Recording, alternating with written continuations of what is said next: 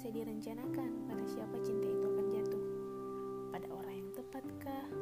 Atau mungkin pada orang yang salah? Jatuh cinta itu sangat menyenangkan untuk dua insan yang sedang kasmaran.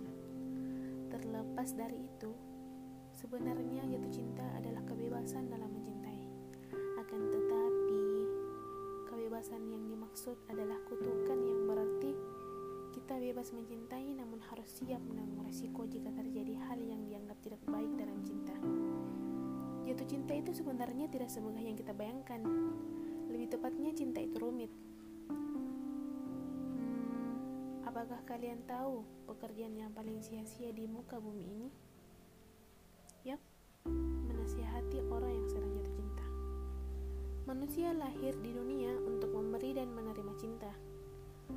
Rumusan ini sangat tepat dengan apa yang diberikan Tuhan kepada manusia, yaitu cinta.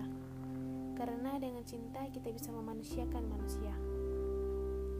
Cinta adalah ekspresi orang yang mencintai. Cinta membuat seseorang memiliki tujuan yang dicintainya. Tetapi cinta sangat dekat dengan penderitaan. Penderitaan adalah bagian penting untuk mengenal cinta. Mustahil bila kita mengenal cinta tanpa mengenal luka. Jika orang tidak ingin menderita untuk mengenal cinta, maka sebutlah orang itu bukan seseorang pencinta, melainkan seorang egois yang berusaha memiliki cinta. Tidak ada ruginya untuk kita mencintai.